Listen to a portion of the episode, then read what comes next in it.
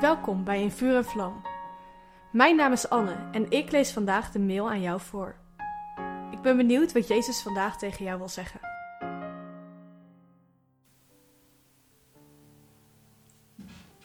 Nadat we het de vorige keer hebben gehad over de gave van tongentaal, wil ik het vandaag hebben over een gave die daar heel veel mee te maken heeft: de gave van vertaling. Deze gave komt een aantal keer voor in de Bijbel, maar het bekendste voorbeeld is natuurlijk te vinden in Handelingen 2, vers 6 en 7. Iedereen kreeg toen deze gave, want iedereen hoorde de discipelen in hun eigen taal spreken. Hier staat: Toen zij het geluid hoorden, kwamen ze allemaal kijken. En ze waren heel verbaasd, want iedereen van al die verschillende volken hoorde de twaalf apostelen in zijn eigen taal spreken. En stom verbaasd zeiden zij: Die mannen daar zijn toch allemaal Galileërs? Helaas is de gave van vertaling niet zo gebruikelijk in de kerk van tegenwoordig. Terwijl het ook gewoon een van de negen gaven is. En ook nog eens super gaaf. Soms, als iemand in tongentaal aan het bidden is, is hij of zij misschien wel aan het profiteren over jou of over de gemeente. Hier kom je alleen nooit achter als dit niet vertaald wordt. Paulus zegt daarom ook duidelijk dat vanaf het podium spreken in tongen vrij nutteloos is als het niet wordt vertaald.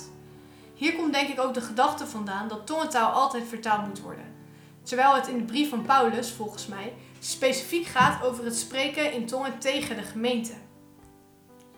Zelf heb ik meerdere malen meegemaakt dat iemand in tongen aan het bidden was, maar dat ik diegene in Nederlands hoorde spreken. De eerste keer dat ik dit meemaakte was in mijn tijd op de Bijbelschool. We gingen toen oefenen met de gaven van de Heilige Geest en gingen met z'n allen in een grote kring staan. Eén iemand uit mijn klas ging in tongen bidden en de rest ging luisteren en het proberen te vertalen. Tot mijn eigen verbazing hoorde ik gewoon Nederlands. Die persoon sprak, sprak iets moois over onze klas. Een paar jaar later gebeurde bijna hetzelfde. Iemand die ik kende zat achter de piano te spelen en te zingen en ik verstond wat hij zong. Het was een mooi aanbiddingslied voor God. Toen ik nog beter luisterde, kwam ik er maar niet achter welke taal het nou precies was. Drents, Duits, Fries of toch tongentaal? Ik vroeg aan deze jongen wat voor lied hij aan het zingen was.